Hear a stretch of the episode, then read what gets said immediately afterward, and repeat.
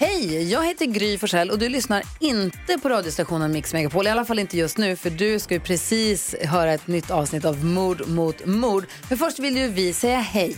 Hej, hej, det här är NyhetsJonas. Det här är Carolina Widerström. Och här är gullige dansken. Ja, och så Gry då. Och det vi vill säga att när du har lyssnat klart på den här podden, då får du gärna lyssna på våran. Vi spelar in ett nytt avsnitt varje morgon av våra podd Kvartsamtal. Och hela radioprogrammet blir ju också en podd om man är väldigt morgontrött eller så. Just det, om man missar morgonen ja. Men mest av allt så får du gärna lyssna på programmet i direktsändning varje morgon på Mix Megapol. Live varje morgon från klockan sex och då har vi med oss massor med vänner också. Thomas Bodström, Babben Larsson, Johan Pettersson, Christian Luuk. Massor med coola människor som bara dyker upp och gör livet bättre. Ja, som jag, gullige dansken. Exakt så. Och så mycket bra musik och annat skoj såklart. Så vi hörs när du vaknar på Mix Megapol. Podplay.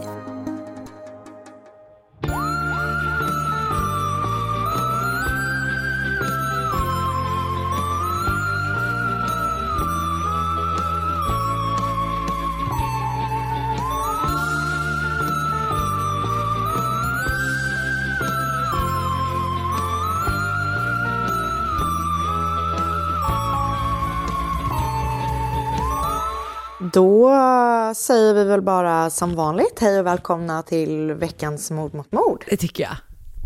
Eller hur? Ja, gud ja. Hur står det till Karin Londreus? Eh, nej men det är fint Anna Sandellus. Tack!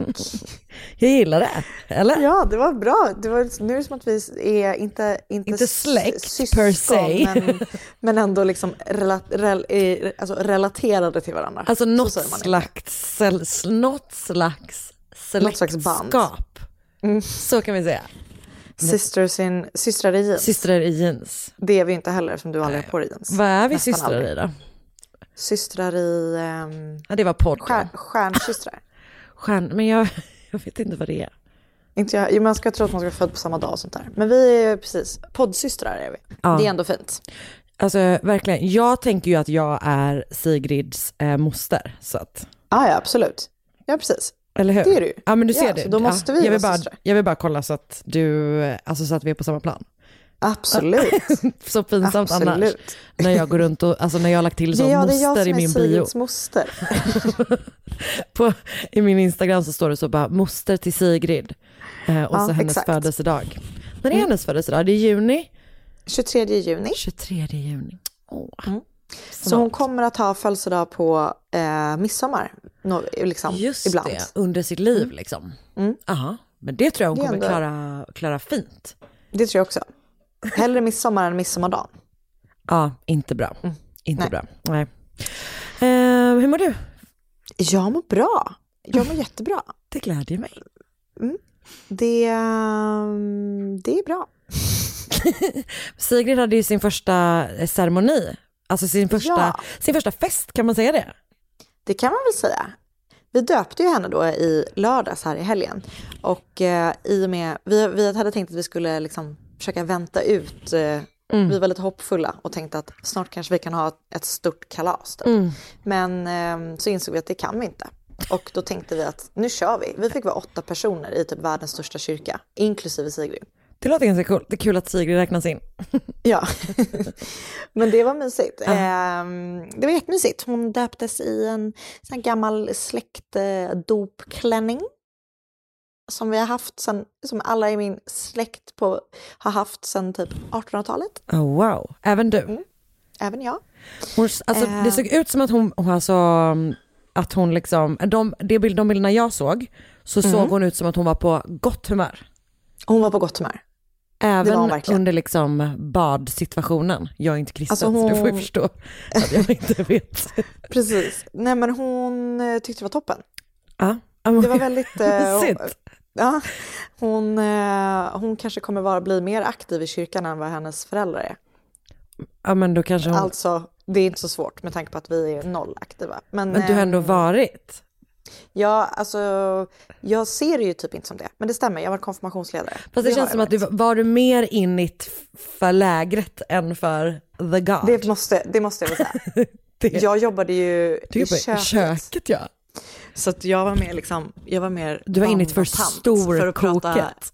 Exakt. Guds bambatant. Exakt.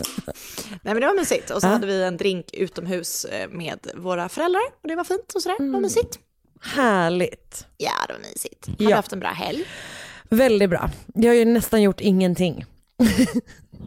Men, Helt rätt ju. Ja, eller hur? Man vill ju typ inte gå ut med tanke på att det snöade. Nej, jag såg att det var att redan det, att det blev en luring för att när vi poddade sist så var det verkligen vårens första dag.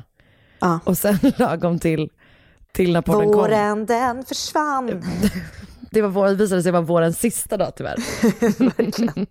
Höstens första dag. Alltså det här borde inte gått inför din eh, framtida karriär som väderperson. Nej, verkligen. Alltså, Jag, de kommer jag fick- hitta det här och sen så kommer du inte ens få komma på intervju. Nej, det är som, eh, det är som du vet, i Mean Girls. Ah, Så ah, japp. Amanda Seyfried, att hennes bröst eh, kan... Can tell when it's raining. Ja, exakt. Det är Det- nästan som jag. Ja, det är verkligen som du. ah, har, du, Eh. har, du, har du några tips här i livet? Du, nu ska jag tänka. Jo, vet du, jag, fick ett tips från min syster om en podd som jag sen också såg eh, diskuterades i vår eh, Facebookgrupp Hmm. mot, mot, mot podcast som heter eh, In your own backyard. Okej, berätta. Eh, som han, eller jag ska bara kolla om jag sa rätt nu. Ehm, kanske bara your, your own backyard heter den. Och det handlar om eh, ett försvinnande som skedde typ alltså 2000, nej om det till och med var på 90-talet, jag kommer inte ihåg, för länge sedan. Mm, mm, mm. Du hör ju hur noggrant jag har lyssnat. Men, ehm, För länge sedan, på 90-talet. nej, men det var en tjej som hette Kristen Smart som försvann. Hon typ pluggade på, eh, på college och så hade hon varit på fest. Och sen så sa hon hej då till några kompisar och ehm, skulle typ gå. Hon försvann ja, på 90-talet. Ehm, och så skulle hon gå hem jättekort på campus liksom. Och så försvann hon. 1996 försvann hon. Ehm, så det handlar om det. Alltså det är typ en kille som typ såg om det på nyheterna när han var liten och så nu typ Ah, utreder han det. Liksom. Just det, Eller just det, just utreder, det. men han, ja jo men typ att han ska prata med folk som kände henne och ja, sådär. Så att eh, jag har lyssnat på de två första avsnitten, jag tycker den är bra. ja, Your Nice. own backyard. ja. Du då? Eh, men vet du vad, jag har också ett poddtips. Det känns som att det var länge sedan som vi tipsade om poddar. Eh, att det har varit mycket, mycket tv för dig och mig det senaste. Verkligen. För ovanlighetens skull. Verkligen. Ehm, ja, det är en podd som heter eh, West Cork. Det är en Audible original. Jag tror att den har funnits, alltså att den inte är ny, men att den är typ ganska ny, eh, släppt för liksom, alltså icke-betalande Audible. Ja, Att man inte behöver betala för Audible för att höra den. Så att jag har, Okej. alltså jag lyssnar på den på liksom eh, podcaster. Så jag antar att det finns typ överallt. Jag såg att det i svenskan så eh, tipsar ju Alex Dominici, eh, som jag är bekant med, om poddar. Och det var han som hade tipsat om den här. Och den handlar om, en, eh, om ett, liksom, ett fall på eh, Irland, i, den heter West Cork och utspelar sig då i West Cork på Irland. Eh, och där en fransk kvinna som heter Sophie eh, hittas mördad och det har liksom blivit ett väldigt utdraget fall. Jag har bara lyssnat på två avsnitt. Eh, Och det är liksom ett, vad det verkar som, journalistpar som blir helt obsessed vid det här fallet och börjar liksom eh, Varför har det varit utdraget? Kan du bara ge någon liten... Eh, men för att det är ingen, åtminstone när de börjar här, jag som sagt jag inte lyssnat så mycket, så finns det ingen dömd för det, men att det typ har blivit superinfekterat liksom lokalt i det här jättelilla samhället. För att alla vet då vem det är som har varit anklagad och det liksom har, eh, alltså att han då anser sig ha ju blivit väldigt, väldigt dömd utan att faktiskt ha blivit dömd i rättegång. Typ. Ja, okej. Ehm, så den, ja, den verkar jättebra hittills. Vad kul. Ehm, så att den kan jag, kan jag tipsa om. West Cork. Bra tips. Så bra tips. Gud, du och jag, två Verkligen. Två tipsare, tipsare av, av rang. Bra Karin. Två, Vi har inte setts på så länge men vi läser ändå varandras hj- hjärnor. ja, gud nu var det länge sedan igen. Mm. Nu, Så snart, länge sedan. nu får det vara dags snart. Kanske på nästa gång som vårens första dag är, så kan vi, kan vi ses. Gärna. Mm. Gärna. Gå en sväng när det inte är snöstorm. Ett poddtips från Podplay. I podden Något Kaiko garanterar östgötarna Brutti och jag, Davva, dig en stor dos skratt. Där följer jag pladask för köttätandet igen. Man är lite som en jävla vampyr. Man har fått lite blodsmak och då måste man ha mer. Udda spaningar, fängslande anekdoter och en och annan arg rant. Jag måste ha mitt kaffe på morgonen för annars är jag ingen trevlig människa. Då är du ingen trevlig människa, punkt. Något Kaiko, hör du på Podplay. Därför är gardinerna.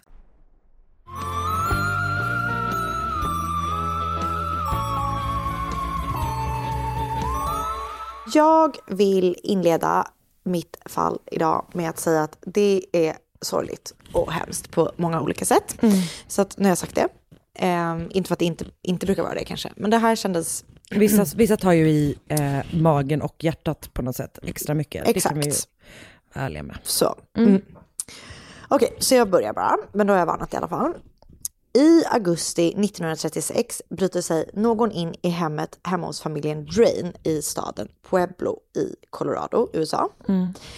I huset ligger familjens två döttrar och sover. Den 15 år gamla Dorothy och den 12 år gamla Barbara. Personen som tagit sig in attackerar eh, båda flickorna med vad som senare polisen ska anta är en yxa. Stora systern Dorothy blir också våldtagen. Eh, och jag vet inte exakt vad som händer efter den här hemska attacken, men både Barbara och Dorothy blir förda till sjukhuset och Dorothy överlever tyvärr inte den här attacken. Fucking yxa. 12 dagar innan överfallet på Dorothy och Barbara har det skett ett liknande överfall i samma stad, i staden Pueblo. Den 58 år gamla Mrs R.O. McMurtry, vilket är ett sånt starkt namn, Verkligen. och hennes moster Sally Crumpley, som då var 72 år gammal, låg och sov i deras hem och då bryter sig också någon in och attackerar dem med en hammare. Förövaren, förövaren flydde efter den attacken och Sally överlevde inte de skadorna som hon fick. Så två eh, personer har då dött eh, inom loppet av två veckor eh, efter ett eh, överfall i liksom, deras egna hem, i deras egna sängar. Polisen misstänker såklart att de här två överfallen hänger ihop och de går ut med en efterlysning eh, efter liksom, de går ut med vad som har hänt och de börjar då kolla närmre på alla sexualförbrytare i området. Mm. Eh, som jag förstår det så finns det inga direkta leads, men 12 dagar efter att Dorothy eh, har mördats och de båda flickorna har överfallits, alltså den, det är den 26 augusti, så det är alltså 24 dagar efter den första attacken, så grips en man i Wyoming som ligger ungefär sex och en halv timme bort med bil enligt Google Maps idag. Ehm, han grips först inte för inblandning i överfallet, utan han grips eh, för ett brott som känns så otroligt gammaldags, nämligen lösdriveri. Är det, Eh. är det att man typ dricker och går omkring? Alltså jag, den här personen tror jag inte ens drack, utan jag tror bara han typ hängde omkring på gatorna. Jag fattar typ inte riktigt vad det är. Gud vad det känns som att det finns många i så här lokala Facebookgrupper som tycker att man borde kunna dömas för det igen. Alltså verkligen, sluta dra omkring på min gata. gå inte här. lösdriveri. verkligen. folk. Nej men eh, han grips för det i alla fall. Och när polisen pratar med honom så upptäcker de att han har kommit från Pueblo bara några dagar tidigare.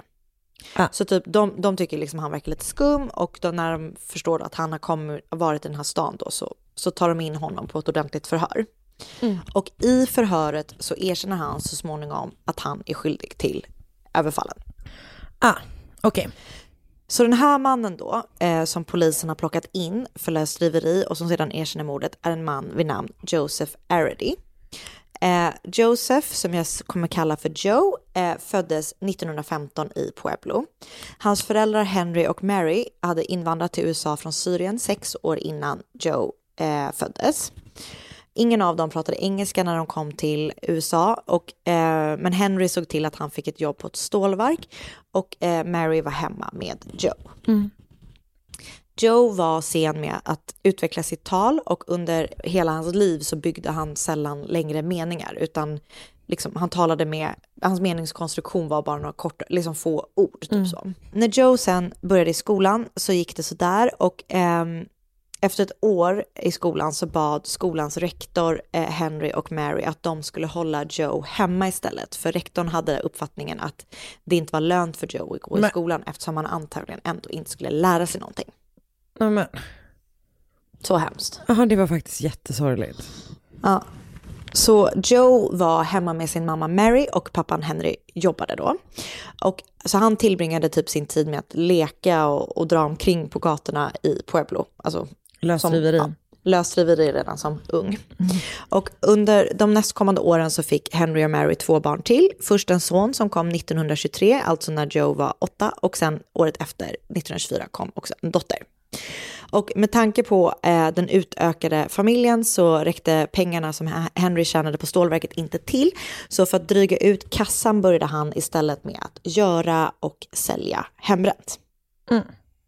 Och det var ju då såklart olagligt och som konsekvens av det här då, hans nya business, så började Henry åka in och ut på, ur fängelse. Så eh, efter att familjen har eh, liksom växt och i och med att pappan har det tufft att försörja och han åker in och ut så fanns det då liksom inte så mycket tid för varken Henry eller Mary att se efter Joe som hade ju liksom det ganska tufft. Eller du vet, han var, ja, Mm. han gick inte i skolan och så. Eh, så han ehm, och grannarna typ och folk i stan tyckte att han var så här, konstig typ och de liksom ja, tyckte han var, de tyckte inte om att han typ hängde omkring bara. Så eh, Henry tyckte, eller visste liksom inte riktigt hur han skulle hantera eh, sin son. Så han och Mary ansöker om att Joe ska tas in på Colorado State Home and Training School for Mental Defectives. defectives. Och med hjälp av ett domarbeslut hamnar Joe där. Eh, det här då, hemmet eller skolan, kan nog mer beskrivas som typ ett gammalt typ mentalsjukhus, eller vad man ska säga. Eh, det handlar liksom inte så mycket om att de ska få hjälp, utan det verkar mer som att de typ spärras in där. Förvaring, ja. Man är så här, Ja. de här ska inte någon annan behöva se. Exakt så. Där konstaterades det att Joe endast hade ett IQ på 46, vilket då enligt min källa då som jag har läst främst eh, skulle motsvara alltså att han var typ mentalt utvecklad som en sexåring. Men nio månader efter att han har placerats där så vill att hans pappa, alltså de typ ångrar sig, så han vill att han ska komma hem igen. Så han ansöker om att få hem Joe och det går då igenom. Men när han väl är hemma så är det precis som innan. Ingen har riktigt tid att ta hand om honom och se till att han har någonting att göra och att han mår bra. Så han vandrar typ mest omkring i stan och alla tycker då typ att han är liksom udda. Jag tycker jättesynd om honom. Men det är jättesynd om honom. Det, du, ja. Ehm, I september 1929 så var Joe 14 år gammal. Då blev han utsatt för en våldtäkt av ett gäng äldre killar. Och mitt i det så kommer en polis och typ räddar Joe från det här. Och när Joe berättar då vad som har hänt så tycker han blir så chockad av vad som har hänt och sättet som han berättar det på. Så han skriver ett brev till eh, Colorado State Home and Training School for Mental Defectives där han uppmanar dem att de måste ta tillbaka honom igen. Okej. Så Joe blir intagen där igen och blir då eh, satt på avdelningen för sexuellt avvikande. Men ursäkta, Som, eh, nej men jag vet, det är så stört. Ehm, han har liksom blivit våldtagen och utnyttjad och ändå... Mm. Eh, På den här avdelningen då eh, är folk, eller personalen utbildad för att hantera då sexuellt avvikande beteende som till exempel onani. just det, Eh, avvikande. Nej men alltså, ja, det är bara så Ja, sjukt. allting De är- här andra killarna anmäldes, anmälde den här polisen också till polisen. Så att det var liksom inte som att han tyckte att det bara var Joes fel, men han tyckte ändå typ att så här, Att han var så här, nej men det här är, det här som du har varit med om, eh, tycker vi ändå att du ska hamna Ja. här för. Ja, gud. Perfekt. vidrigt. Ehm, och ehm, så, okej, så han, han liksom hamnar där igen. Men som du minns så berättade jag att han greps ju den 26 augusti i 1936 i Wyoming. Så då kanske du tänker att han har liksom blivit frisläppt eller vad man ska säga. Men det har han inte. Men för några veckor innan han grips, närmare bestämt den 9 augusti, så bestämmer sig han och tre andra patienter, eller vad man ska kalla dem för, eh, att de ska rymma. Ja. För precis, bredvid det här hemmet så låg ett tågspår, eh, så det var inte helt ovanligt att de här då, jag vet liksom inte vad man ska kalla dem för att för Nej. de är, de är ju, de verkar ju inte bli omhändertagna där. Alltså jag tycker så, det är så Ja, jag sorgligt. fattar vad du Men menar. Ja. Personer, personer som bor där eller som är inspärrade, där. jag vet inte, Ja, som nej. är där. Ehm, det, var, det var inte helt ovanligt att de brukade fly via tåg. Ja. Så de här fyra männen då hoppar på ett förbipasserande tåg och rymmer och hamnar då eh, i Wyoming. Okej. Och fyra dagar efter att de har flytt så bestämmer sig de tre andra männen att de ska återvända tillbaka. Men han vill inte fort, liksom åka tillbaka så han fortsätter att hålla sig på rymmen. Och han tar typ jobb som en diskare hos ett par i East Cheyenne i Wyoming. Och i betalning så ska han typ få mat och sånt där. Och det är alltså där han befinner sig eh, när han blir gripen 26 augusti 1936. Och då blir han intagen till sheriffen i Laramie County. Och den här sheriffen heter George J. Carroll. Och han var lite av en kändis och var liksom väldigt poppis i områdena omkring där. Och media älskade att bevaka allt han gjorde. Och han verkar vara en sån person då som så här ordnar upp många brott, om du förstår vad jag menar. Jag förstår vad du menar. Nej men det verkar som att han liksom, Ja. det är det viktigaste för honom snarare än att det faktiskt är typ Det ska korrekt. lösas snarare än att det ska Ja. vara rätt. Mm, jag fattar. Exakt så. Ehm, så när han då ehm, får förhöra Joe och hör då att han kommer från Pueblo och att han har rymt från den här avdelningen för sexuellt avvikande så börjar han då vara så här, "Mhm, en sexuellt avvikande person som kommer från den här staden där de här sexuellt motiverade brotten har skett tidigare. Eh, så han då ehm, ringer till polischefen i Pueblo som heter J. Arthur Grady och säger att han har Joe inplockat. Okej. Och till eh, den, han, den här George då, sheriffen, säger He's a nut, he can't even read or write. He, uh, and he's told us there's two or, two or three different stories, but he seems to know all about the Drain murder and I wouldn't be surpri- surprised if he's the man you want. Men J. Arthur Grady blir lite förvånad. För han har redan plockat in en man och haft honom häktad i sex dagar för morden och överfallen. Hmm. Mannen som sitter häktad i Pueblo är en man vid namn Frank Aguilar. Han var ursprungligen från Mexiko och hade arbetat hemma hos Dorothy och Barbara Drains föräldrar. Han har några dagar innan överfallen på, överfallet på Dorothy och Barbara fått sparken av deras pappa. Fattar. Och polisen har då fått upp ögonen för honom, eller vad man ska säga, efter att han har dykt upp oinbjuden på Dorothys begravning och betett sig väldigt märkligt där. Han förnekar däremot att han har någonting med morden och överfallen att göra. Men när polisen så småningom tar sig in i hans hem så hittar de en yxa som ser ut att överensstämma med det vapnet som mördade Dorothy. Okej. Så i Pueblo har de då fysiska bevis som pe- pekar mot en gärningsman och i, och i East Cheyenne, Wyoming har de en man som har erkänt men det finns inga bevis som knyter honom till överfallen. Men undrar hur de behandlade honom under de där förhören också. Jo, för det är nämligen så här. George och Arthur Grady, alltså sheriffen och polischefen, pratar i telefon med varandra flera gånger under den här eftermiddagen där då George har plockat in Joe. Ah. Så de pratar jättemycket fram och tillbaka och senare under eftermiddagen kan Joe då berätta flera detaljer om överfallen som bara den som kan ha gjort kan veta. Men det är ju, George har ju då ringt och Ja, vet, så här, Han har fått reda på massa och sen så har han Han- matat honom med information och sen så har han sagt det. Precis. Ja, perfekt. Så Joe grips för morden och eh, några dagar senare så hittar polisen också ett vittne eh, som kan styrka att Joe typ befann sig, du vet, i närheten och sådär när överfallen skedde. Det här vittnet verkar vara totalt otrovärdigt om man läser liksom hur det gick till kring det. Eh, det finns heller ingen koppling mellan Joe och Frank. Frank säger att han har aldrig träffat Joe, men Joe då utger sig för att känna Frank. Också antagligen för att han blir typ matad med det. Och när Frank och Joe stöter på eh, varandra hos polisen eh, så är det typ att han bara, ah that's Frank typ.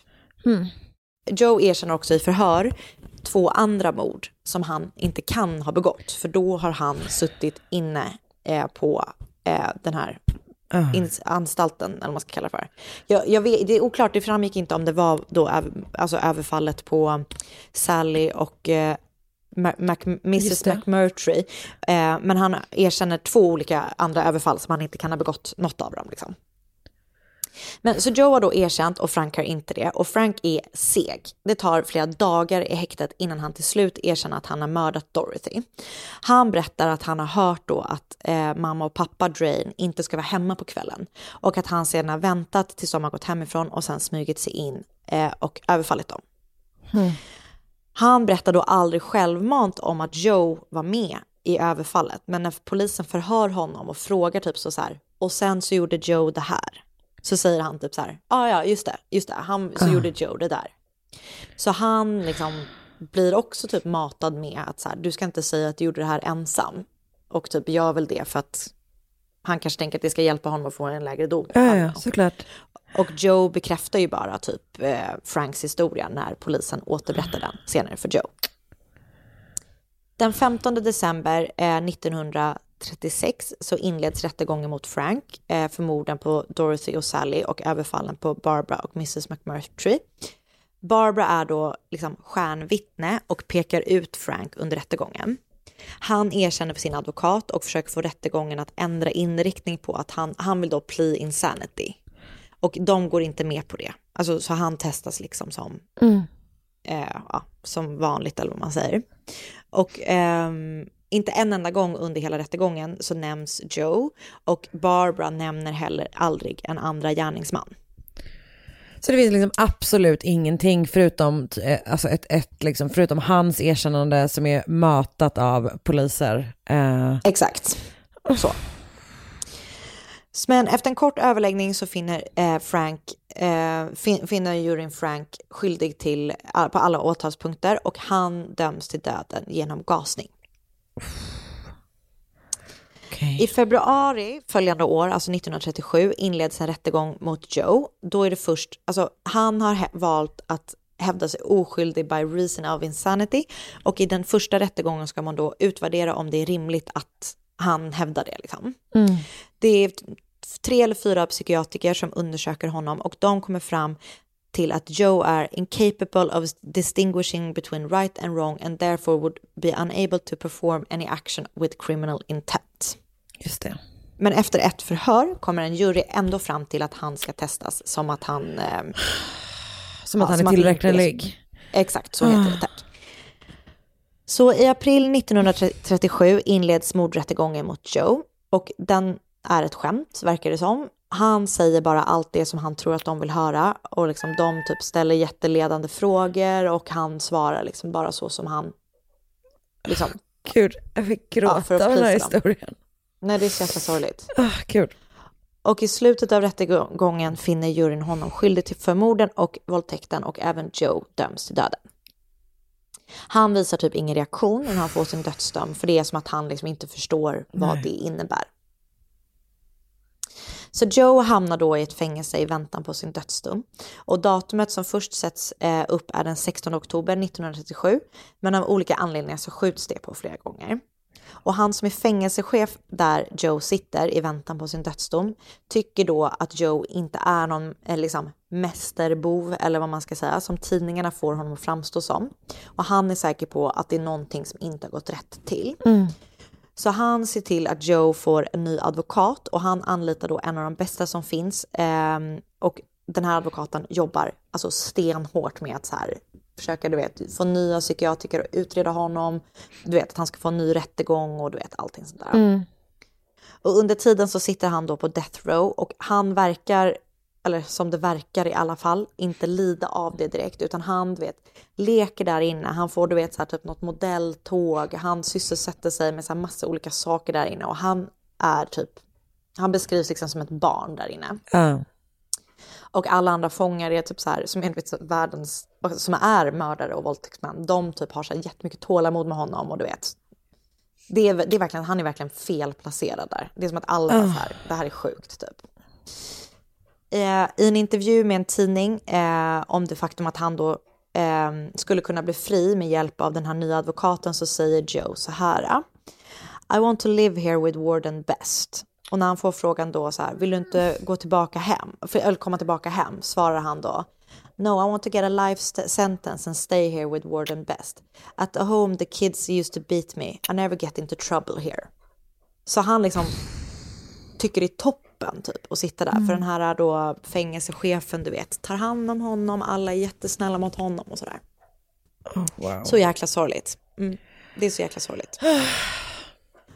Men hur bra den här advokaten än var så kan han då inte få Joe frikänd. Och den 5 januari 1939 så frågar fängelsechefen vad Joe vill ha som sista måltid. Nej! Mm, jag vet, det, här, alltså det är så sorgligt. Han svarar då att han vill ha glass. Och Joe får då massa med glass och eh, massa med godis till, liksom, sin, till kvällsmål först. Och dagen efter kommer då hans mamma och syskon på besök. Joes pappa har tyvärr gått bort ett knappt år innan eh, för att säga adjö. Joe förstår typ inte varför, eller han förstår inte varför de är så ledsna när de går där, utan han eh, säger hej då, går upp till sin cell och äter ännu mera glass. Senare på eftermiddagen så blev han hämtad eh, för att då gå sin död till mötes. Han gav bort några av sina leksaker till de andra fångarna eftersom han inte skulle behöva dem dit han skulle.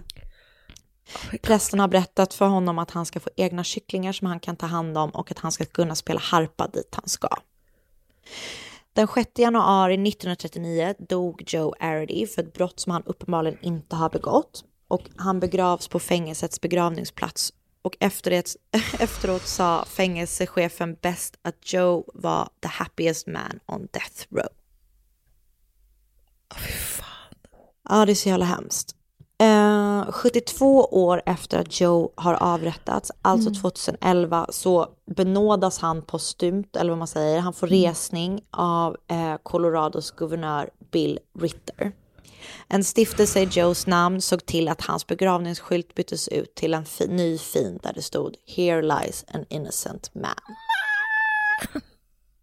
Det är så jävla Jag sorgligt. fick rysningar på hela kroppen.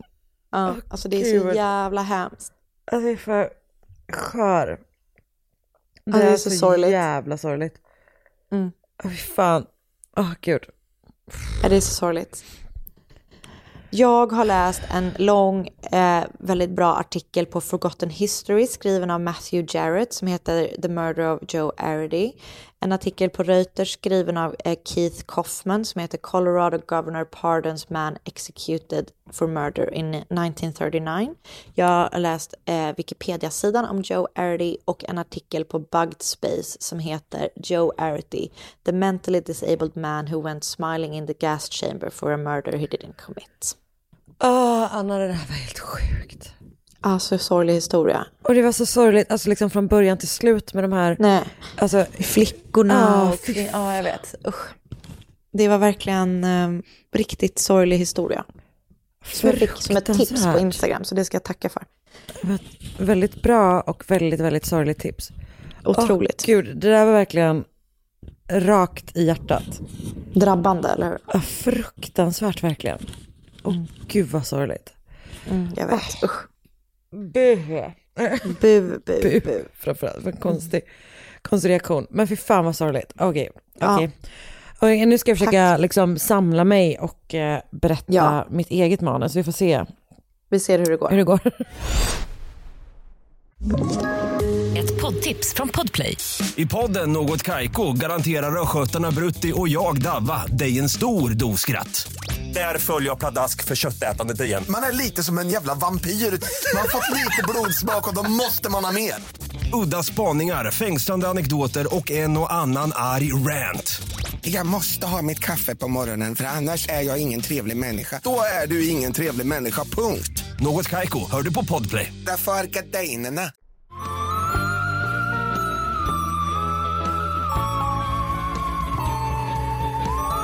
Jag har också en sorglig historia. Nej! Fast liksom sorglig på ett annat sätt. På ett helt annat sätt och på ett sätt som är lite ovanligt för på ett, på ett helt annat sätt och som inte liksom är, är på ett annat sätt än den här historien men också eh, annorlunda än, än sådana historier som vi kanske brukar berätta också typ. Okej, vad spännande. Eh, ja, jag sätter igång. Kör. Okej. Så tisdagen den 16 juni 2009 klockan sex på morgonen så kommer Arthur och Brian Kinsella till stranden Rosses Point som ligger strax utanför Sligo på Irlands nordvästra kust. Eh, Sligo ligger liksom typ bara 45, det är liksom på Irlands sida men ligger typ bara 45 minuter från, från eh, Nordirland, alltså gränsen till Nordirland typ. Okej. Eh, och Arthur och Brian, det är alltså far och son. Eh, de är på stranden så här tidigt för att Brian håller på att träna för ett triathlon. Så han ska ut och simträna och hans pappa ska väl också, jag vet inte, han kanske också ska bada, men det är därför de är där liksom. Eh, så medan liksom Brian kastas ut i vågorna för att sätta igång sin träning så tar Arthur då, pappan, det lite lugnare. Så det är nog därför han är den första av dem som får syn på något som ligger på stranden. Han går då närmare och inser att det han ser är en människa som ligger livlös med ansiktet ner i sanden och liksom verkar ha så spolats upp från havet. Det finns inga, inga liksom fotavtryck runt omkring eller någonting utan, utan det ser verkligen ut som att någon har men drunknat och, och spolats i land. Liksom. Ehm, han går fram till kroppen och så här, han ropar på sin son och går fram till kroppen och eh, lägger handen på ena benet för att så här, avgöra om personen lever eller inte. Och huden är då iskall. Liksom. Så att de eh, konstaterar att personen är död och eh, ber tillsammans en så bön för den döde och sen så ringer de polisen. Och polisen kan då konstatera att det här är en man. Ehm, han är i 60 till 65 års åldern och det finns liksom inga tecken på att kroppen har utsatts för våld. Om jag förstår det rätt, och det här är en konstig detalj, men det här är verkligen hur jag läste. Han har både kalsonger och badbyxor på sig. Men det var som, kommer du ihåg när vi var yngre? Då hade alla killar så här eh, kalsonger under sina badbyxor. Ja, kanske, men det här är liksom Speedos. Ah, Okej, Det var ändå ov- Okej, det ovanligare. hade inte alla. Nej, exakt. eh, det var mycket konstiga badmoden där ett tag känns det som. Ja. Ehm, nej men, men så att Även fotbollsshorts och eh, bikinitopp. Exakt. Eh, nej men alltså det är så jag läser det, att han har på sig, att han har på sig båda två. Och sen så har han på sig en t-shirt och en klocka. Eh, Och på ett par klippor så här en bit bort så hittar man skor, strumpor, byxor, en tröja, en jacka och ett skärp. Allt är typ svart eller mörkblått, äh, mörkblått och är liksom så väldigt prydligt ihopvikt. Eh, lapparna i alla kläder har blivit bortklippta. Men som jag förstår så finns det typ, alltså man kan fortfarande se märken på vissa kläder. Eh, jag vet inte riktigt hur, men det kanske är att det är Det kanske är som helt enkelt. Lacoste eh. Exakt, ja, det är krokodiler på alltihopa. eh, nej, men eh, ja, man, kan, man kommer i alla fall kunna sp- spåra några av kläderna.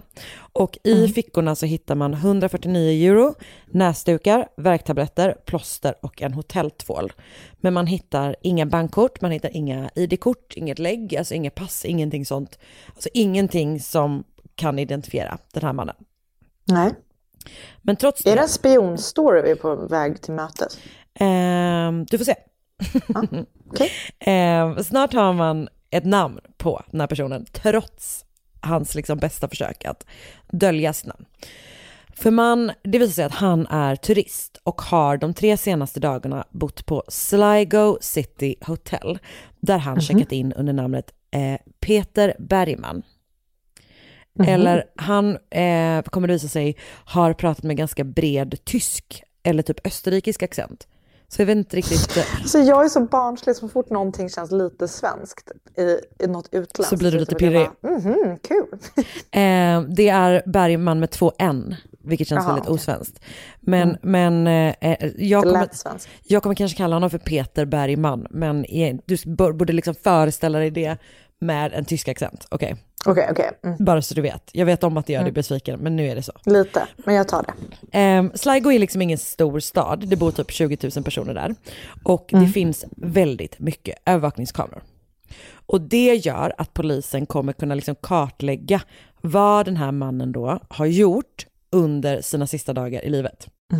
Så att det visar sig att han har kommit till Sligo med bussen från Derry den 12 juni vid halv sju på kvällen. Och första gången man ser honom på övervakningskameror är just i Derry, alltså på busstationen där liksom. Så att han, därifrån, eh, eller han, Den går vid fyra från Derry och sen så tar det typ två och en halv timme. Så han är framme vid halv sju. Han har med sig två väskor, en axelremsväska och en typ så weekend bag, alltså mjuk liksom. Så att han kommer då fram till busshållplatsen i Sligo och eh, tar en taxi och ber om att bli körd till ett billigt boende. Det första stället de försöker är fullt, men på andra stället som då är Sligo City Hotel så får han napp.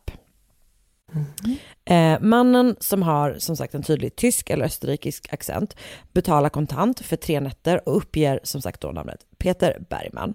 Han ger också en adress, Einstetter, alltså det står så här, Einstetter Sn, vilket jag tänker kanske är en förkortning för någon slags gata liksom. Schnase. Snase.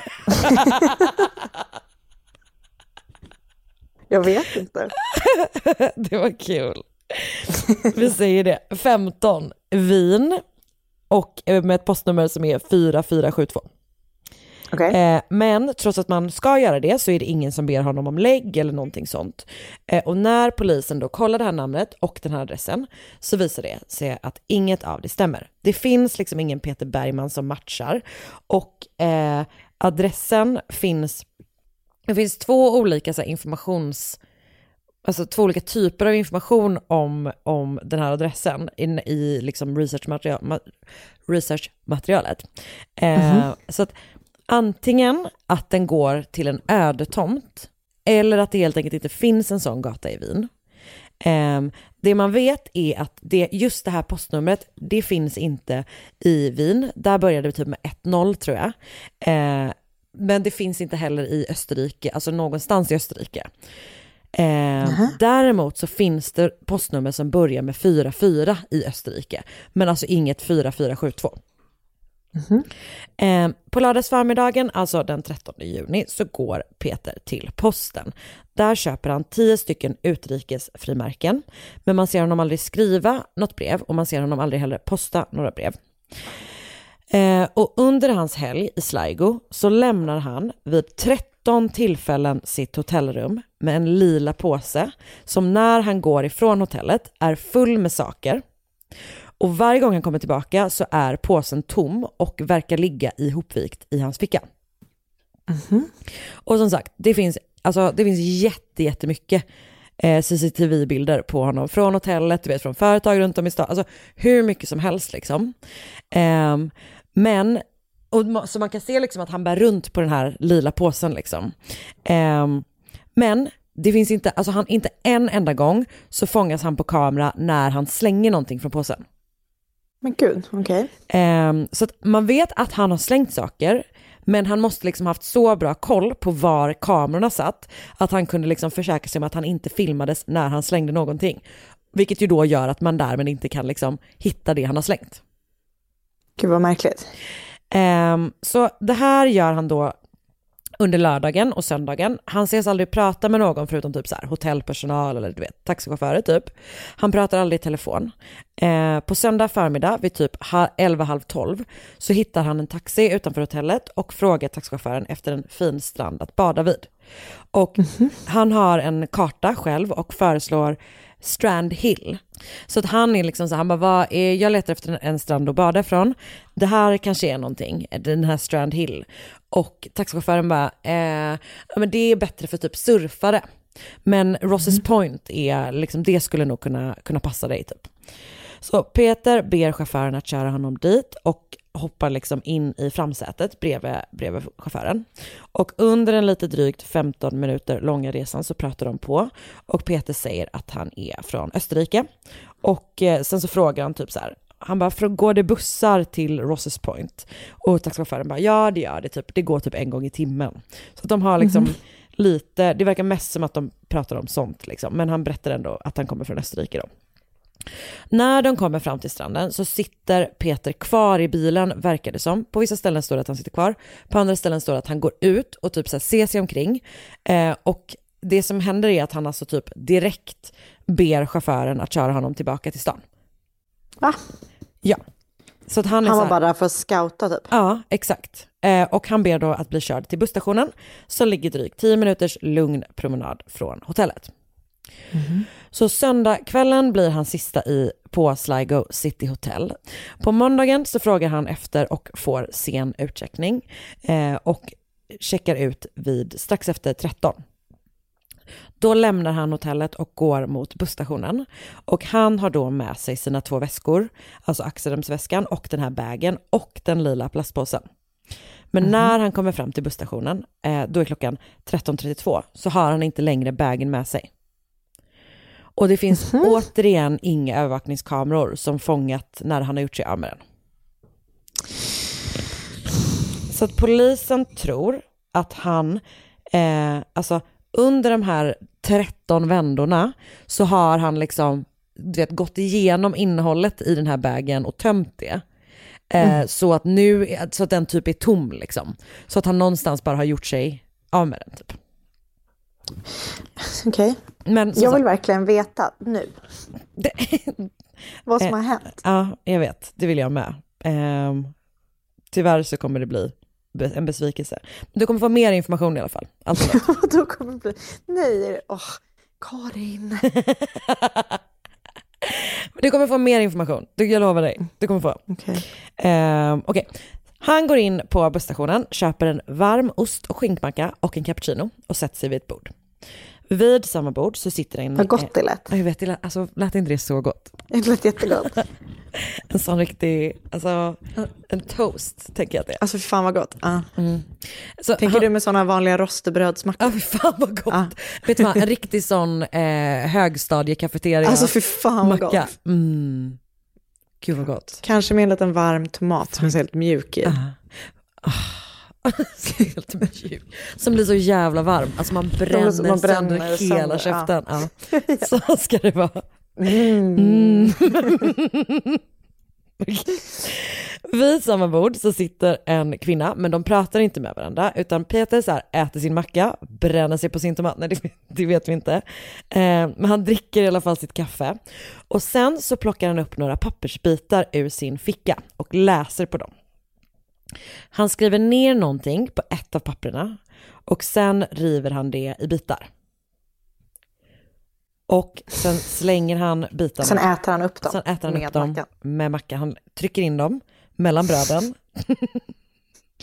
Nej, men sen slänger han dem i en papperskorg. Och man kommer aldrig att hitta de här pappersbitarna. Liksom. Efter att han ätit upp så frågar han en anställd på busstationen om var bussen till Rosses Point 20 i 3 går ifrån. Och han liksom pekas i rätt riktning och kommer fram till stranden runt tre på måndag eftermiddag. Det är ganska fint väder. Det är 17 grader och sol, ändå härligt. Det är Eh, inte så att man vill simma. det gör folk. Du får också komma ihåg att det är Irland. Ah. Eh, så det är liksom så här, eh, ja, men det är liksom väldigt mycket folk på den här stranden. Och det är liksom ett populärt så här, utflyktsmål.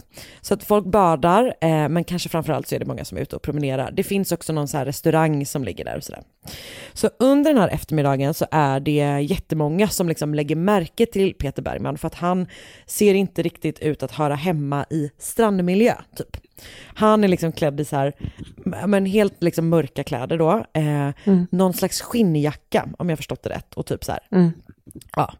Eh, han har ingen handduk, du vet. Han bär på sin axelns väska eh, under stora delar. Alltså gud vad man reagerar på sådana människor på stranden. Det typ att man bara, vad gör du här? Ja men verkligen. Och att han typ bara går fram och tillbaka eh, ensam liksom. Eh, Stora delar av dagen. Så att, eh, sen är det också typ så här, vissa tycker typ att han, att, det är, att han går lite konstigt, typ att det är något så här ryckigt i hans gångsätt liksom. Eh, och på kvällen så sticker han ut ännu mer eftersom det liksom blir allt mindre folk på stranden. Så vid halv tio, alltså han kommer alltså dit klockan tre, halv tio på kvällen, så ser ett par honom så här rulla upp sina by- byxor och typ vada ute i vattnet. Och det är nästan som att så här, eller de beskriver det som att eh, du vet, eh, eh, typ gamla bilder när, när folk som liksom inte har kanske varit vid havet, typ badar med upprullade byxor, eller förstår du vad jag menar? Typ? Ja, ja. Eh, alltså det är, liksom, det är den vibben de får på honom då. Eh, och under dagen så, så slutar åtminstone folk notera att han bär på sin axelremsväska. Eh, men vid både halv elva och elva så ses han med den lila plastpåsen. Då har han också på sig ett par eh, glasögon. Vanliga glasögon. Ja, exakt. 10 i 12 syns Peter Bergman vid liv för allra sista gången. Alltså det är så jävla lång tid. Alltså, ja. Eh, Har och- han ätit något under den här Alltså, tiden? jag vet inte, jag har inte sett någon liksom information om att han är, för det finns liksom någon, någon restaurang där som sagt. Och jag har inte, jag har inte liksom sett att de har övervakningsbilder på att han är där. Men, Nej. men, eh, men så jag vet inte. Eh, det jag vet är att folk liksom ser honom just på stranden. Eh, så att, oklart. Gud vad eh, märkligt. Jag vet. Eh, och det är då en kvinna som ser honom så här, gå ut med liksom, strandkanten och eh, inom bara en halvtimme så ska liksom, tidvattnet komma in och typ liksom, havsnivåerna eh, stiga väldigt mycket typ på den här platsen.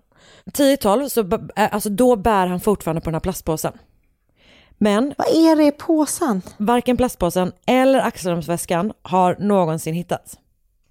Utan allt som återfinns är då de här kläderna som han har på sig, alltså när han hittas, och kläderna som han har vikt ihop och lagt på en klippa och det som finns i fickorna. Okej. Kläderna förresten är nästan uteslutande inhandlade på, eh, i en kedja av klädaffärer som mer eller mindre bara finns i Tyskland och Österrike. Så du kan räkna med att det är snygga kläder. Verkligen. Jag vet ju allt om tyska jeans. Jag vet, du vet, du har levt det och du älskar det. Jajamän. Okej, så dagen efter vid sex på morgonen hittas han alltså av Arthur O'Brien Kisanella och en rättsläkare förklarar honom död två timmar senare. Och eh, alltså det är bara för att det är då han undersöker honom. Han är ju liksom död redan när han hittas. Ehm, och allt på platsen ser ju typ ganska mycket ut som att Peter helt enkelt inväntat tidvattnet och mörkret och drunknat.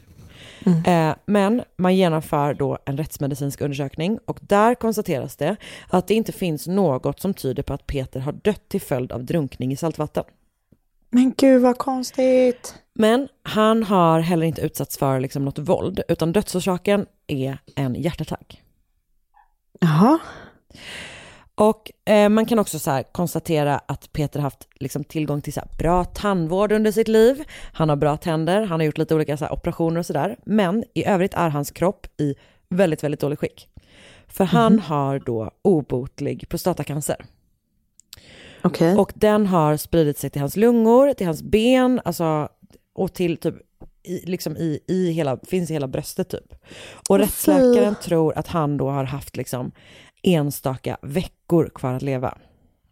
Okej. Han säger att det är i princip omöjligt att Peter inte är medveten om sin sjukdom eftersom han lär ha varit väldigt påverkad av den. Alltså han måste ha haft jätteont liksom.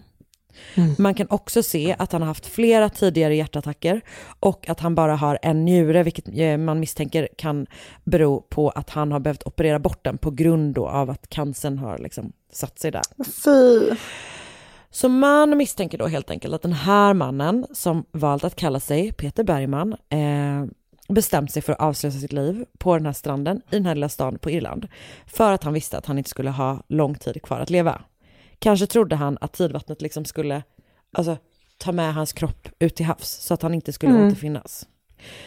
Och Men hur visste han att han skulle få en hjärtinfarkt? Nej men, och det finns ju några saker som är supermärkliga och intressanta med det här fallet liksom.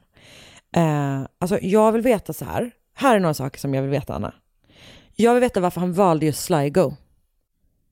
Ja, verkligen. Alltså det är liksom inget, Men hade han ingen familj som han hittade? nej alltså det är det här, man har aldrig hittat, eh, man har aldrig hittat någon. Eh, man vet ju inte, uppenbarligen skickar han ju, han köpte ju åtminstone frimärken till de här breven. Eh, så att han borde ha skickat liksom någonting. Eh, men, men ingen har liksom någonsin kommit fram typ. Man vet absolut ingenting om vem han egentligen var. Trots att man har jättemycket bra bilder på honom. Eh, man har inte hittat ett enda spår efter den första övervakningsfilmen där han dyker upp på Derrys busstation för att gå, gå på bussen till Sligo. Och tydligen är det så att om man tar färjan över från England så kollar man inte typ pass och sådär. Nej. Och antagligen har han ju bara använt ett annat namn innan han nådde liksom sitt sista stopp typ. Och polisen har typ så här skickat ut bilder och DNA och fingeravtryck till andra europeiska polisstyrkor och samarbetat med Interpol, men ingenting har lett till någonting. Eh, och det finns information som är lite konstig om att den där österrikiska pol- polisen påstår att ingen från Irland har kontaktat dem. Eh, och sen finns det heller ingen liksom, Interpol-eftersökning efter den här mannen. Eh, vilket finns teorier om att det beror på att han varken är en saknad eller eftersökt person. Typ. Att han hamnar liksom mittemellan. Gud vad hemskt. Eh, och efter fem månaders utredning så begravs den här mannen, eh, som inte heter Peter Bergman, på Sligo kyrkogård. Och det är sex personer på begravningen. Mannen som gräver graven, mannen som leder begravningen och fyra Nej. poliser. Gud vad sorgligt. Och han begravs på en plats som ägs av polisen just för att begrava oidentifierade människor. Och den har plats för tre personer, men mannen blir den andra eh, som kommer begravas där och han kommer också bli den sista. För att man vill ha möjligheten att gräva upp hans kropp igen om det skulle typ komma fram nya bevis. Och jag tänker just att så här, DNA och släktforskningsgrejen känns ju som att det borde kunna alltså verkligen ge resultat i det här fallet liksom. Men det verkar ju också verkligen som att så här, han har ju jobbat stenhårt på att inte bli hittad. Mm. Och det, alltså det är någonting, det gör något så jävla mycket med mig typ. Gud vad sorgligt. Alltså att så här, Sorgligt han var så sjuk och helt ensam och drog sig undan som typ en så här, sjukt djur. Djur, Typ, som, ja. ja. Nej men för att så här, jag försökte liksom så tänka typ, det är så jävla random eh, just att det är den här stan, eh, varför han hamnar där. Alltså jag vill också typ så här, hur fan kunde han vara så jävla bra på att undvika de här övervakningskamerorna? Och vad hade han i alla påsar? Ja. Nej, alltså jag vet. Eh, och du vet, de har så letat på soptippar och allting typ. Alltså man hittar liksom ingenting. Och det finns då teorier om att han så skulle kunna ha, för att han var så bra på typ så här sudda ut alla spår, att han skulle kunna haft någon liksom så här militär bakgrund, men man vet ju absolut ingenting. Jag vill så gärna veta vad det var för brev, om han skickade brev, och liksom i sådana fall vad han skrev. För att Ja. Alltså det här fallet har ju fått uppmärksamhet, men inte så jävla mycket uppmärksamhet. Så det finns ju en, en, liksom, en chans att, att hans anhöriga helt enkelt inte har liksom nåtts av fallet, om du förstår vad jag Nej. menar. Typ. Ehm, För jag menar, tänker- Även om man inte har någon nära familj Ja. så måste det ju, finns det ju folk som Ja. man har typ kommit i kontakt med. Japp. Och som man känner. Alltså man kan ju inte vara... Nej, han är ändå så vissa är väl i och för 65. sig- Jag vet, fast då hade han ju inte köpt frimärkena. Alltså det, du vet, det är någonting. Och de här frimärkena är just så här, de är, eh, de är inte bara till Irland, utan de är liksom ut, utrikes typ. Och du vet så här. Jag undrar också typ med hans anhöriga, tänk om det var så att, att de fick breven och att de vet om att det här fallet finns, men att de fattade att han ville hålla, alltså att han ville vara hemlig. Men varför att de vill han hålla sig respektera hemlig? Jag vet inte. Alltså jag vet inte. Visst är det Ja det är väldigt Så- märkligt alltså. sorgligt och också så intressant. Ja det är så sjukt. Alltså det är liksom, ja, jag vet, det gjorde verkligen något. Och det, det är som alltid, du vet när man ser de här jävla övervakningsfilmerna från ett, alltså det gör så jävla mycket med en typ. Usch. Och jag har då sett kortdokumentären The Last Days of Peter Bergman av Kieran Cassidy och Morgan Bush. Och jag har läst en long read som heter The Unsolved Mystery of Peter Bergman av Rosita Boland publicerad av Irish Times. Och samma journalist har också gjort tre poddavsnitt om det här fallet. Eh, så att om man söker på The Irish Times Atlantic i sin poddapp så får man upp så kan man lyssna på det istället. Eh, och sen så har jag också läst Francisco Garcias Vice-artikel The man who deleted his past before he was found dead. Och så har jag också läst eh, Wikipedia. Usch. Vad sjukt. Jag känner mig jättefrustrerad. Jag vet, men det var, det var också, eh, ja, jag vet. Jag tänkt, jag tänkt så mycket på det här fallet de senaste dagarna typ. Alltså vet, Ja, det är ett förstår sånt det. som man bara, vad fan? Nej det var sjukt faktiskt. Det Ja. måste, jag, måste jag säga. Förlåter du mig för att det var liksom olöst? Ja, alltså jag har ju själg öppnat upp för Ja, det att har jag har sagt att jag tycker att, jag tycker att det är spännande nu. Men det här kändes... Du vill ju kontrollera dig själv, det är ju det. Ja, Du lite tycker- så tror jag att det är. Ja. Nej, men alltså jag, ska, jag kommer skicka någon bild till dig för att jag vill att du ska, Ja, gärna. alltså det, mm, Det är så jävla tack märkligt snälla, att se det var honom. otroligt spännande. Du vet när han går över de här gatorna med den här lila plastpåsen. Alltså man vill så jävla gärna Men jag, bara... man undrar ju vad han tänker så mycket. För att om han liksom vet att han är så sjuk, har han liksom dödsångest? Har han, alltså du vet, vad har han liksom... Han är också så, så liksom... Har han typ tänkt att han ska liksom begå självmord där på natten på stranden i en fin plats och du vet så här och sen så, och sen så får han en hjärtinfarkt bara av en slump. Ah. Men varför har han klätt av sig? Nej, uppenbar, uppenbarligen har ju varit i vattnet liksom. Mm.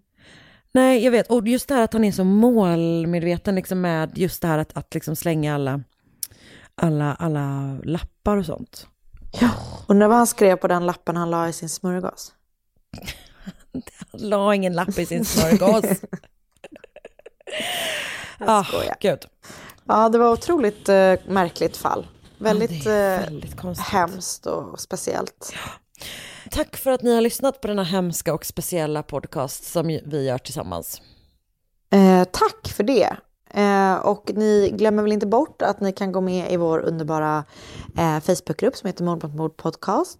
Att vi släpper på onsdagar i appen Podplay där man gör ett konto som är helt gratis. Och ett, annars så släpper vi som vanligt eh, på torsdagar.